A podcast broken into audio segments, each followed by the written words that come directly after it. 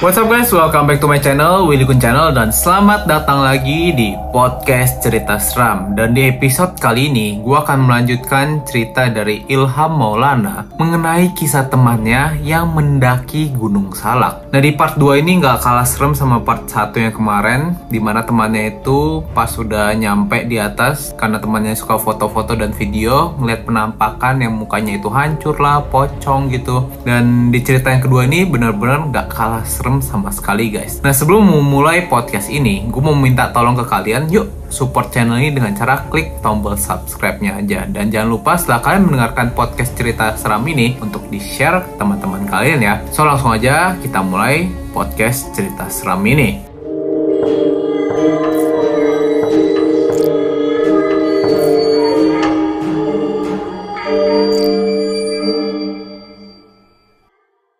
Podcast cerita seram ini diceritakan atau ditulis oleh Ilham Maulana di mana dia ini menceritakan kisah dari temannya yang mendaki Gunung Salak.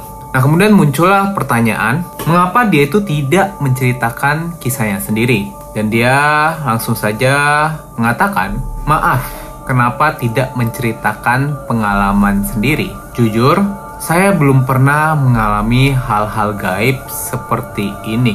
Alhamdulillah. Pendakian gunung ini bermula oleh ajakan teman sebut saja Kang Septo.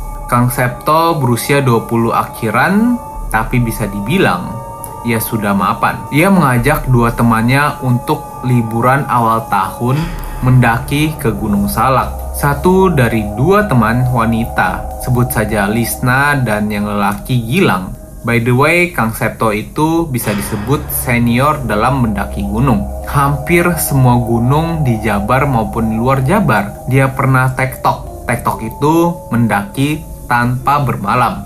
Jadi biasanya orang yang tektok itu menggunakan tas kecil dan membawa peralatan-peralatan minim. Jadi bisa langsung nyampe atas terus langsung turun lagi begitu. Karena lokasi Kang Septo di Jakarta, sedangkan kedua temannya ini di Depok, mereka pun memutuskan untuk bertemu di Cidahu, kaki Gunung Salak. Berangkatlah mereka sekitar pukul 5 sore, karena Kang Septo terjebak macet, ia sampai ke Cidahu pukul 9 malam. Sedangkan Lisna dan Gilang telah sampai lebih dulu di Cidahu. Setelah makan dan ngopi sekitar satu jam di Cidahu, mereka pun melanjutkan perjalanan ke base camp Salak yang hanya membutuhkan waktu sekitar setengah jam untuk sampai. Setelah sampai lokasi, Kang Septo dan Gilang menggelar tenda untuk istirahat, sedangkan Lisna sedang ngopi santai di warung sebelah. Malam itu turun hujan, Kang Septo dan Gilang tidur di dalam tenda, sedangkan Lisna tidur di warung. Tetapi pada saat pertengahan malam, Kang Septo merasa ada Lisna yang tidur di sebelahnya dan mencoba memasuki kaki ke dalam sleeping bagnya dengan keadaan pakaian basah. Pukul 5 pagi, mereka pun terbangun lalu melaksanakan sholat subuh. Setelah selesai sholat, Kang Septo mendatangi Lisna. Lis, gue gak suka yang tadi malam lo genit masuk-masuk sleeping bag gue Mana abis hujan-hujan lagi? Karena Lisna dan Gilang merasa ada kejanggalan, mereka pun menyembunyikan dari Kang Septo demi lancarnya pendakian. Lisna pun hanya tertegun saja dan tidak berkata apa-apa. Pukul 7, mereka pun bersiap memulai pendakian. Salak itu ketinggiannya masih 2000-an ya? Kalau gitu nggak akan terlalu memakan tenaga dong. Kata Kang Septo. Gilang menjawab, Lihat saja sendiri nanti Kang, Waka waka waka. Oke, langsung next ke perjalanan turun aja ya. Karena selama naik dan camp tidak ada kejadian apa-apa. Setelah bermalam, mereka pun bersiap untuk menuruni gunung pukul 8 pagi. Saat perjalanan turun, Kang Septo berada jauh di depan Lisna dan Gilang. Berbeda dengan waktu naik yang menghabiskan waktu kurang lebih 8 jam. Menuruni gunung cukup setengah dari perjalanan naik yaitu kurang lebih 4 jam. Nah, di sini sang penulis juga memberikan gambaran yaitu gambaran pos bajuri. Ada sebuah pohon besar di tengahnya yang menandakan tanda sebelah kiri itu mengarah ke mana dan sebelah kanan itu mengarah ke mana. Pukul 12 siang, Lisna dan Gilang telah sampai pos bajuri. Tetapi anehnya, mereka tidak melihat Kang Septo. Mereka berdua pun bertanya ke pendaki yang camp di sekitar Bajuri ataupun yang lewat. Tetapi mereka tidak melihat ada pendaki yang turun dengan ciri-ciri khusus yang digambarkan Lisna dan Gilang pada saat itu. Lisna mengatakan, Kita tunggu aja di sini. Mungkin Kang Septo masih di belakang. Gilang menjawab, ya udah, gimana baiknya aja deh. Tapi Lis, bukannya Kang Septo lebih dulu dari kita. Kalau seandainya dia tertinggal, pasti kita melihat dia sewaktu turun. Iya sih. Udahlah, jangan berpikir negatif.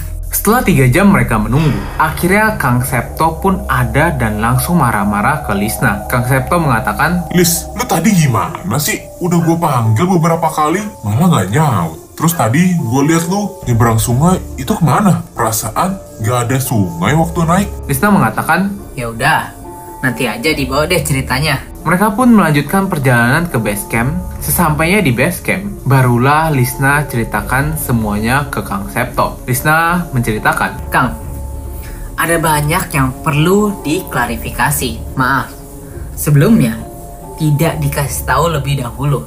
Pertama, pada saat kita bermalam di sini, di base camp, saya tidak tidur di tenda, melainkan tidur di warung. Nih, si ibu warung saksinya. Lalu pada saat tadi kita turun, sudah jelas Akang lebih depan dari kita. Mana ada, saya sama Gilang menyusul. Saya pun bingung pada saat itu.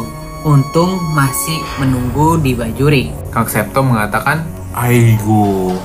Oke? Setelah Kang Septo mengetahui semuanya itu, ia pun memutuskan untuk langsung pulang dan tidak ingin berlama-lama di situ. Belum selesai sampai di sini ya guys. Setelah kembali ke rumah masing-masing, Kang Septo pun bermalam di rumahnya sendiri karena ia masih single. Pagi harinya, ia mendengar seperti ada seseorang di kamar mandi. Saat dilihat, tidak ada, tapi anehnya ada jejak kaki yang seakan baru keluar dari kamar mandi. Karena kejadian itu, Kang Septo pun merasa sedang diikuti oleh makhluk di Gunung Salak. Ia pun langsung menyuruh Lisna dan Gilang pergi ke Jakarta untuk menemaninya sementara. Sore harinya, Lisna dan Gilang telah tiba di kediaman Kang Septo. Setelah berbicara panjang, Gilang menyarankan Kang Septo untuk pergi berobat ke pedalaman Banten. Keesokan harinya, tibalah mereka di tempat paranormal. Tapi, paranormal itu tidak bisa menangani masalah Kang Septo. Ia malah menyuruh Kang Septo untuk pergi ke paranormal lain yang lebih tinggi ilmunya. Setelah sampai ke tempat kediaman paranormal kedua, ia telah mengetahui bahwa Kang Septo diikuti jin penunggu Gunung Salak. Paranormal itu mengatakan, Ini mah tidak bisa diusir oleh saya. Jin ini menyukai kamu. Tapi jika kamu ingin mengusir dia, antarkan jin ini kembali ke Gunung Salak. Lalu bacakan ini. Dia memberikan mantra-mantra. Setelah mendengar penjelasan paranormal tersebut, tanpa berpikir panjang, Kang Septo langsung pergi ke Gunung Salak. Setibanya di dekat gerbang Gunung Salak, Kang Septo mengaku bahwa untuk turun dari mobil saja sangat berat sekali. Jarak parkir ke gerbang Gunung Salak sangat dekat, tapi Kang Septo merasa seperti menggendong lima orang dewasa. Berat sekali, tapi ia memaksakan karena ingin segera lepas dari ketakutannya. Tidak lama, Kang Septo berhasil masuk gerbang Gunung Salak, lalu melakukan apa yang diperintahkan paranormal tersebut. Mantra selesai dibaca, apa yang terjadi? Makhluk itu pun memperlihatkan wujudnya dan pergi seraya berkata, Dada. Setelah selesai semuanya, Kang Septo berucap sumpah kepada Lisna dan Gilang bahwa ia tidak akan pernah menginjak gunung ini lagi. Dan sekalipun keturunannya mendaki gunung mereka tidak akan diizinkan untuk mendaki gunung Salak. Nah seperti itulah kira-kira ceritanya. Mohon maaf bila penulisannya jelek dan saya tidak pandai menulis cerita. Bagaimana? Sudah siapkah kalian mendaki Gunung Salak? Begitulah cerita yang diceritakan oleh Ilham. Kisahnya menurut gua sangat mengerikan dan memang hal-hal seperti ini ada gitu kalau kita sedang mengendaki gunung guys. Karena gue pribadi ya, seperti yang gue ceritakan di part 1, ketika gue baru pertama kali mendaki gunung aja, gangguannya itu udah luar biasa sekali. Apalagi ada jin penunggu yang nempelin kita. Wah, gak kebayang sih. Merinding, merinding banget. Gimana buat kalian yang telah mendengarkan cerita ini? Ada nggak sih kalian yang punya cerita sama seperti ini? Karena di sini nih, gue udah nyaris kehabisan cerita seram guys. Jadi buat kalian yang punya cerita-cerita seram, kisah apa pun, bisa kalian share caranya gampang banget. Kalian bisa langsung aja DM di Instagram gue di Willikun. Pastinya cerita seram kalian akan gue ceritakan di podcast cerita seram. Nah itu dia cerita hari ini guys. Thank you guys for watching this video dan telah mendengarkan podcast cerita seram. See you guys di episode berikutnya. Bye bye. Ciao.